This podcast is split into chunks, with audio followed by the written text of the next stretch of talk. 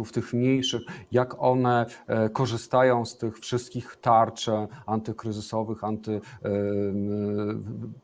no, z tego wsparcia rządowego. Jak, jak sobie z tym radzą? Czy to jest w miarę przejrzyste, czy rzeczywiście spółki giełdowe też e, korzystają z tego?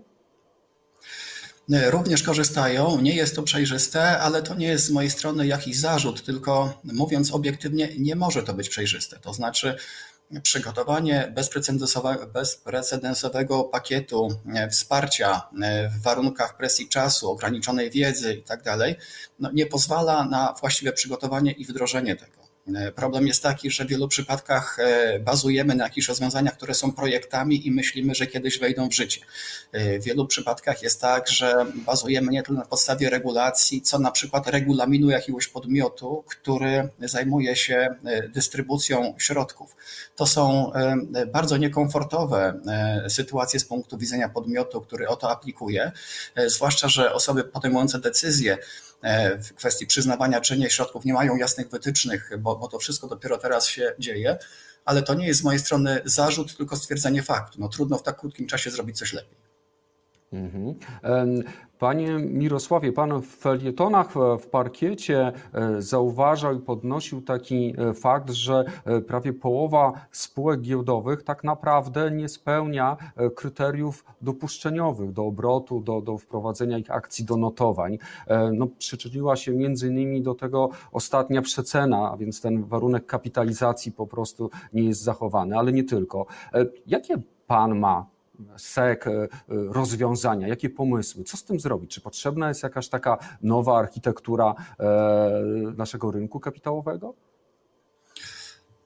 Przede wszystkim chciałbym powiedzieć o tym, że to nie jest kwestia tylko i wyłącznie retoryki związanej z COVID-em, bo rzeczywiście statystyki bardzo się pogorszyły, ale to przede wszystkim zmieniła się chyba mentalność i to, że dzisiaj inaczej postrzegamy rzeczywistość i widzimy, że nie musimy iść utartymi ścieżkami, a możemy, czy wręcz powinniśmy podążać e, nową drogą, bo jeśli spojrzymy na dane e, z końca roku, na koniec 2019, e, no to 42% spółek notowanych na rynku regulowanym nie spełniało tego wymogu dopuszczenia.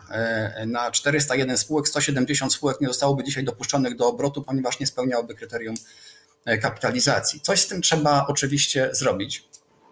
Mm, podstawowym pomysłem jest to, aby w ramach rynku regulowanego e, wydzielić e, segment, który byłby przeznaczony właśnie dla tych mniejszych spółek, tak aby one nie były przytłoczone aż tak bardzo jak dziś wymogami regulacyjnymi, tak aby mogły generować wartość dla akcjonariuszy, zamiast e, walczyć o życie z uwagi na nadmierne wymogi przejrzystości informacyjnej, które zwyczajnie utrudniają konkurowanie ze spółkami nienotowanymi. E, e, mam nadzieję, że tego typu rozwiązania e, będziemy mogli wdrożyć dla dobra inwestorów i oczywiście, co chciałbym podkreślić, wszelkie tego rodzaju zmiany musiały być zaakceptowane przez akcjonariuszy danej spółki. Nie wyobrażam sobie takiej sytuacji, aby spółka obniżyła swój próg przejrzystości informacyjnej bez zgody swoich inwestorów. Mhm. Ale czy, czy takim właśnie rynkiem, trochę z mniejszymi obowiązkami, nie miał być New Connect?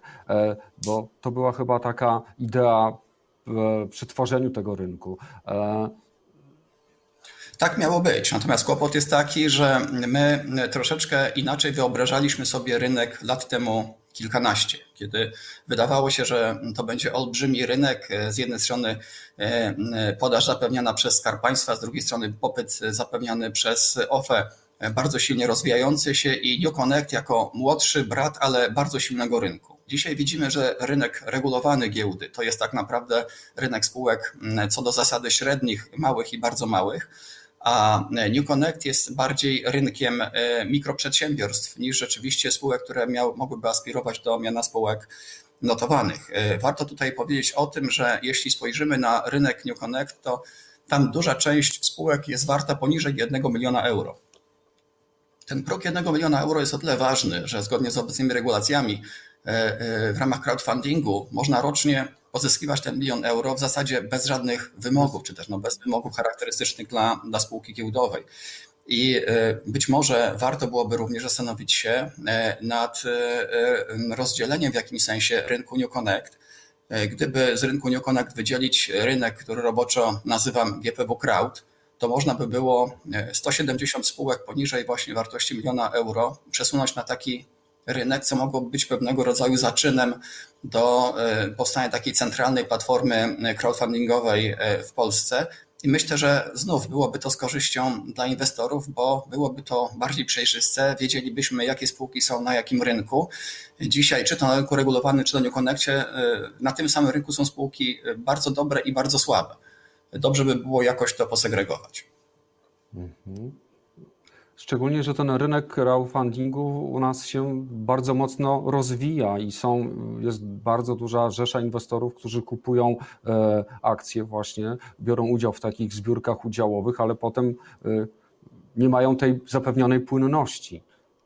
Tak, to jest olbrzymi problem, że rynek crowdfundingowy to jest rynek pierwotny i połączenie tego typu platformy crowdfundingowej z platformą obrotu choć regulacyjnie trudne, jest możliwe. Na to też mamy e, pomysły, jak zrobić, żeby z jednej strony inwestorzy, którzy weszli, mieli możliwość wyjścia e, z inwestycji, a z drugiej strony, żeby nie było takiego ryzyka, że w ten sposób e, inwestorzy nieprzygotowani do inwestycji na tym rynku byliby niepotrzebnie mamieni perspektywami zysków i mogliby stracić swoje pieniądze. Mhm. A tak krótko mógłby Pan te, te pomysły wymienić może?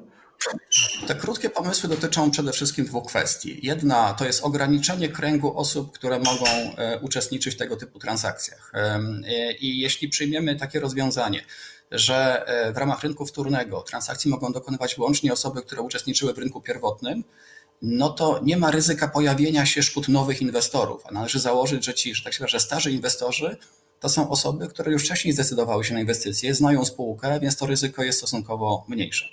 Druga sprawa e, to jest kwestia pewnego rodzaju dopasowania, rzekłbym, e, możliwości obrotu E, e, do e, wielkości tych spółek, czyli w szczególności uniemożliwienie takiej sytuacji, która ma miejsce dzisiaj, że w ramach notowań ciągłych te kursy mogą latać w górę w dół dość mocno, tylko koncentracja podaży i popytu w określone okna transferowe, na przykład raz w tygodniu czy raz w miesiącu, co powoduje, że mamy wtedy większą płynność, ta cena jest kreowana bardziej sprawiedliwie i też no, łatwiej jest nadzorować jeden dzień w miesiącu, kiedy są tego typu transakcje, niż sesje z całego miesiąca.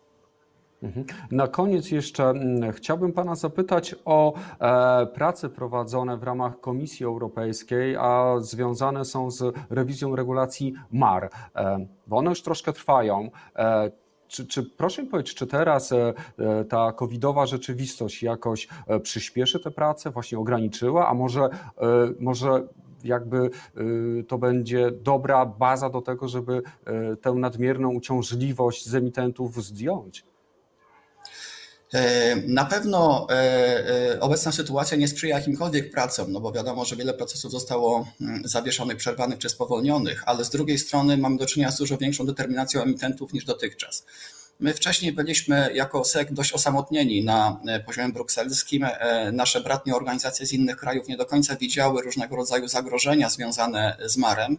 Dzisiaj, kiedy również ich spółki stały się dużo mniejszymi niż kiedyś, dzisiaj, kiedy te spółki mają podobnie jak nasze dużo problemów związanych z identyfikacją, publikacją informacji poufnej, choćby związanej z COVID-em, to od czego zaczęliśmy tej rekomendacji ESMA, że spółki powinny zupełnie inaczej patrzeć na e, informowanie w tym kontekście. Dla nas to może nie było niczym dziwnym, ale dla spółek z rynków zachodnich to, to, to była duża zmiana, e, więc e, tam sporo się dzieje, jest coraz jest dużo, dużo wyższa świadomość potrzeby zmian i wierzę w to, że postulaty, które zostały zgłoszone przez SEC przy rewizji MAR-u, e, zostaną spełnione, a tak e, z grubsza powiem, że przede wszystkim chodziło tutaj o kwestię e, innej definicji informacji poufnej oraz kwestię rezygnacji prowadzenia z osób blisko związanych.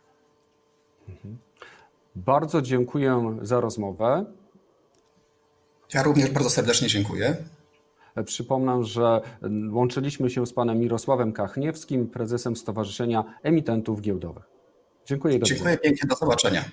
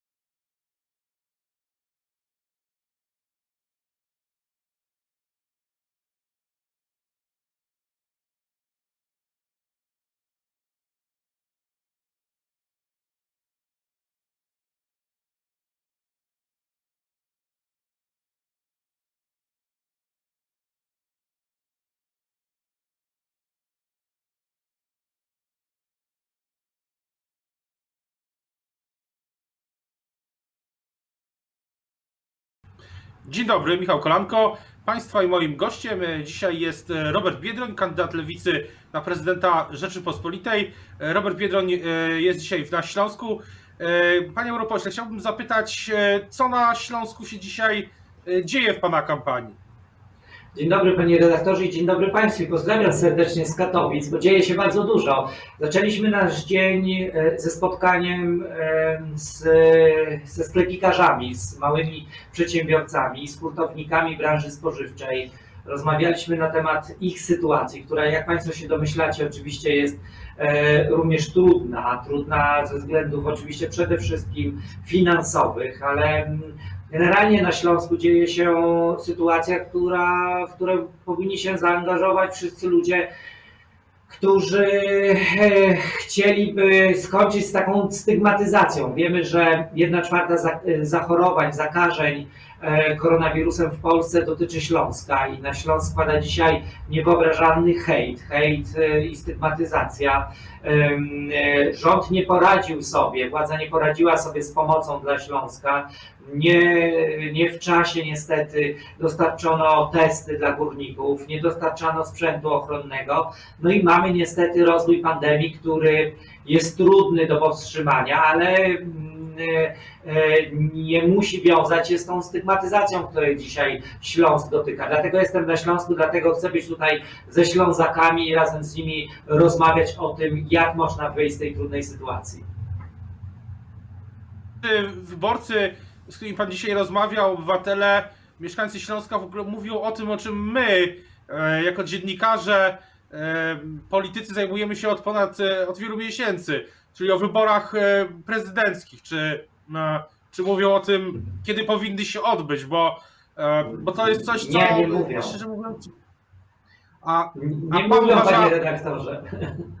Nie, bo Polska żyje innymi problemami. Polska w ogóle nie żyje tymi wyborami. Przynajmniej ja nie spotykam ludzi, którzy mówiliby, że to jest dla nich coś ważnego, to jest priorytet. Oczywiście ludzie wiedzą, że, e, że ja w tych wyborach prezydenckich startuję i pozdrawiają i życzą mi powodzenia, e, ale chcą rozmawiać o problemach, które są bardziej przyziemne i według mnie dużo bardziej ważne.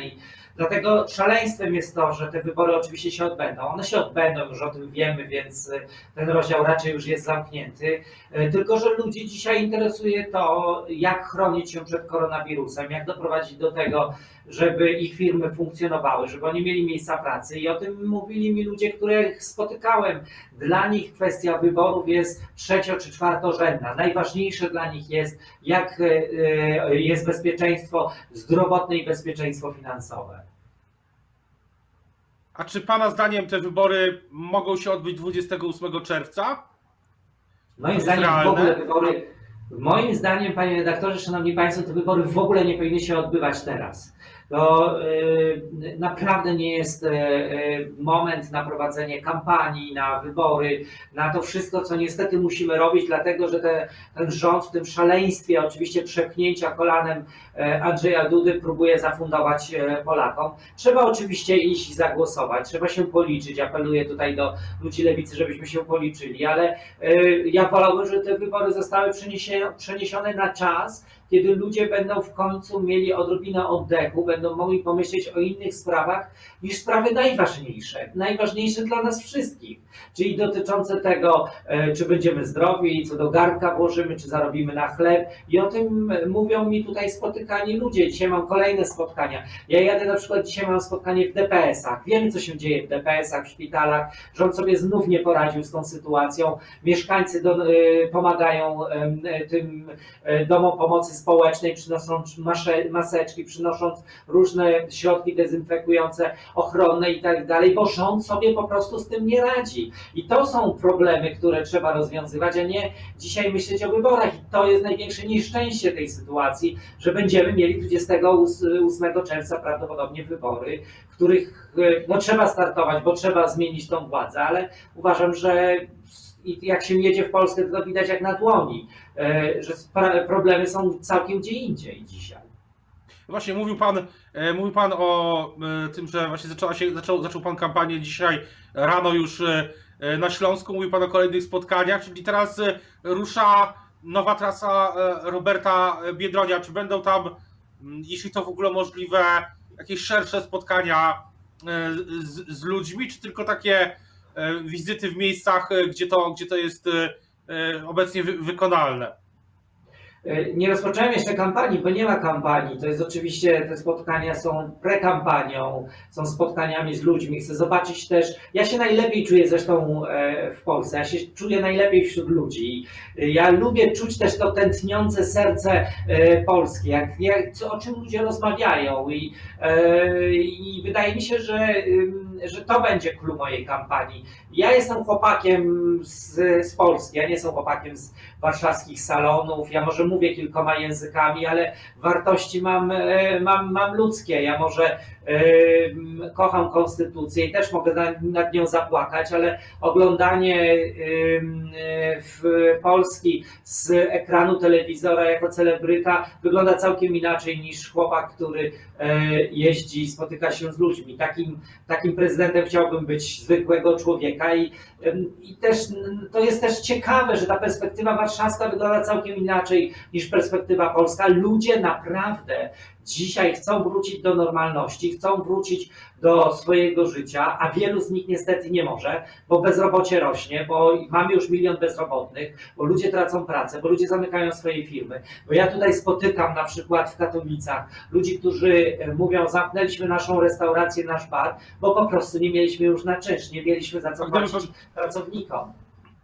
A jeśli chodzi o ten właśnie bezpieczny powrót y, y, do pracy, to co, czy, czy ma pan wrażenie właśnie po tych rozmowach, e, nie tylko dzisiaj, ale w ogóle, e, czego, czego oczekują wyborcy, obywatele od, od rządu i czego, i czy, czy uważają, że to dostają, czy, czy czują się właśnie zabezpieczeni, czy czują się bezpiecznie w tym powrocie do pracy, o którym, o którym mówi, mówią, mówi rząd, że są kolejne etapy. Czy, czy ma pan wrażenie, że ludzie są, czują się w ogóle bezpiecznie dzisiaj, jak pan z nimi też e, rozmawiał. E, czy, czy, jakie są takie właśnie nastroje, jeśli chodzi o to bezpieczeństwo? Ludzie oczekują przede wszystkim, że państwo e, weźmie współodpowiedzialność za bezpieczeństwo finansowe, zdrowotne ludzi, że po prostu państwo ich nie zostawi samych, że państwo im poradzi, wyciągnie rękę. Czyli oczekują tego, co kolejne ekipy przez lata demontowały, to znaczy wmawiając nam, e, przez lata przecież, że niewidzialna ręka wolnego rynku wszystko ureguluje.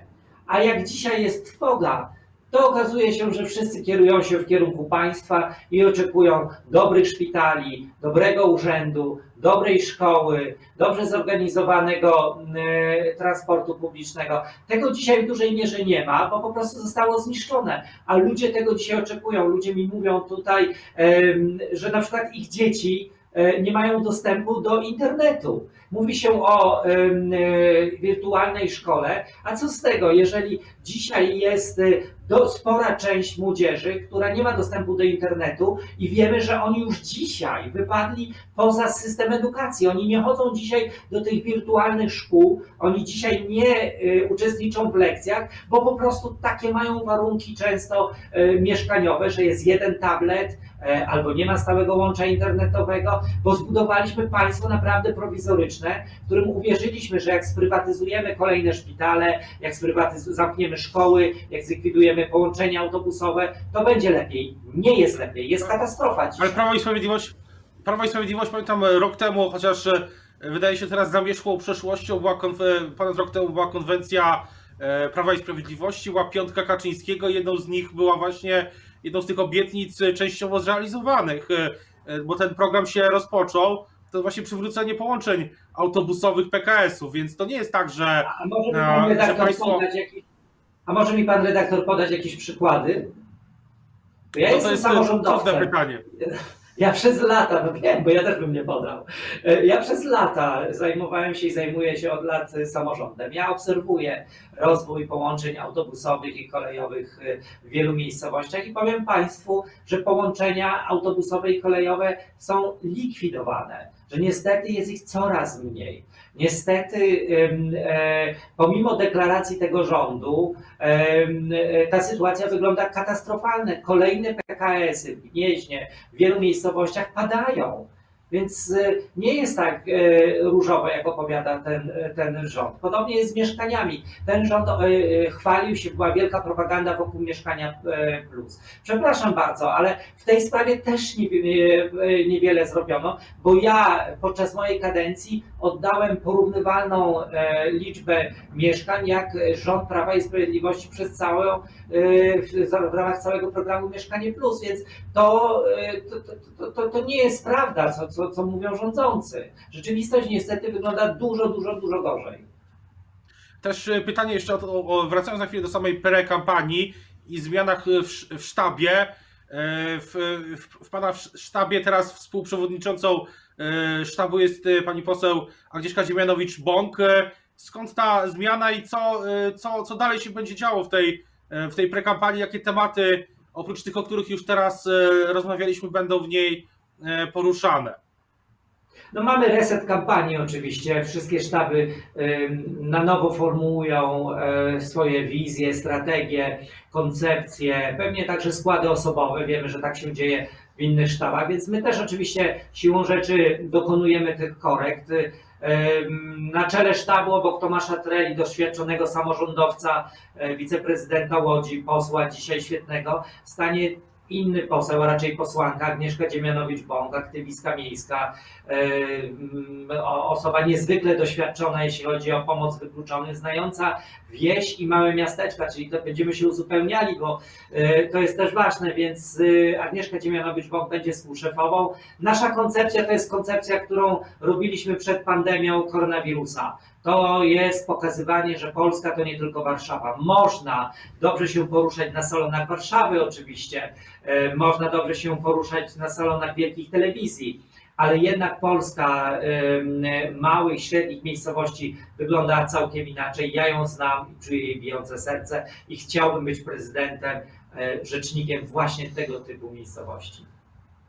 A też a zmieniło coś, co zmieniło wejście do gry, do tej prekampanii, bo jak zauważyliśmy, formalnie kampania się jeszcze nie toczy, nawet jeszcze nie ma tej deklaracji opublikowanej, opublikowanej uchwały PKW, co budzi też kontrowersje. Co zmieniło w tej prekampanii wejście Rafała Trzaskowskiego? Pan się go obawia jako kandydata, który może zabrać głosy lewicy? Ja szanuję każdego mojego kandydata, bo wydaje mi się, że w polskiej polityce ta kultura polityczna jest tak niska, że, że, że, naprawdę musimy sobie okazywać i powinniśmy okazywać sobie ten szacunek, dając dobry przykład. Więc y, y, oczywiście to, to jest trudna sytuacja dla Platformy, bo y, to w jaki sposób potraktowano panią marszałek Kidawę Błońską, no, budzi chyba powszechne zdziwienie i niesmak. Ja cenię sobie w polityce solidarność, wspólnotę, kiedy na dobro i, i złe czasy, na, na, na pogodę i niepogodę. I jak my jako lewica, bo chciałbym się przede wszystkim zajmować naszymi wartościami i programem. My jako lewica jesteśmy trwali w naszych poglądach, mamy wartości i programy, których nie zmieniamy tylko na czas kampanii bo mam wrażenie, że wielu dzisiaj próbuje mamić wyborców lewicowym programem, a po wyborach porzuca ten program. Zresztą przecież niektórzy są już mistrzami w tych obietnicach, że rozdzielą państwo od kościoła, że wprowadzą równość kobiet i mężczyzn, że wprowadzą związki partnerskie, a po wyborach mówią, no nie, niestety, wiecie, my tu mamy różne skrzydła, poczekajcie jak, y, do kolejnych Ale wyborów, jak to będzie po następnych wyborach. Ale przyznam panu, że na przykład prezydent Trzaskowski, pamiętam rok temu, jako chyba pierwszy prezydent Warszawy, e, udzielił poparcia, e, udzielił patronatu e, Paradzie Równości. To, to, to się zdarzyło. No tak, no ale to, to żaden wielki wyczyn chyba nie jest, bo ja uczestniczę w, od pierwszej Parady Równości, współorganizowałem je, angażowałem się w parę patronatów można udzielić wiele, ale i to się ja oczywiście cenię, bo pamiętam pani, kiedy pani Hanna Gronkiewicz-Walc była prezydentką Warszawy, to nie chciała takiego patronatu udzielić, a udzielała patronatów paradom e, jamników, więc e, to pokazuje w ogóle, jak Platforma podchodzi do tego typu spraw. E, cieszę się, że jest jakiś postęp tam, tylko czy to jest prawdziwa zmiana? Nie sądzę. Ja chciałbym, żebyśmy w końcu mieli europejskie standardy, bo można mówić w kilku językach obcych. Ja mówię w kilku językach obcych, ale trzeba jeszcze mieć Euro i być Europejczykiem, ale trzeba mieć jeszcze program europejski. No ja mogę zadać pytanie, no, jeśli chodzi o równość małżeńską, to moi kandydaci są za czy przeciw? Jeśli chodzi o liberalizację prawa do e, przerywania ciąży, są za czy są przeciw? Jeśli chodzi o opodatkowanie kościoła i wyprowadzenie le lekcji religii, są za czy przeciw? Mógłbym mnożyć te pytania, ale pan zna odpowiedzi. Jest tylko jeden kandydat w polskiej polityce, który nie tylko na to odpowie tak, ale który też załatwi te wszystkie sprawy.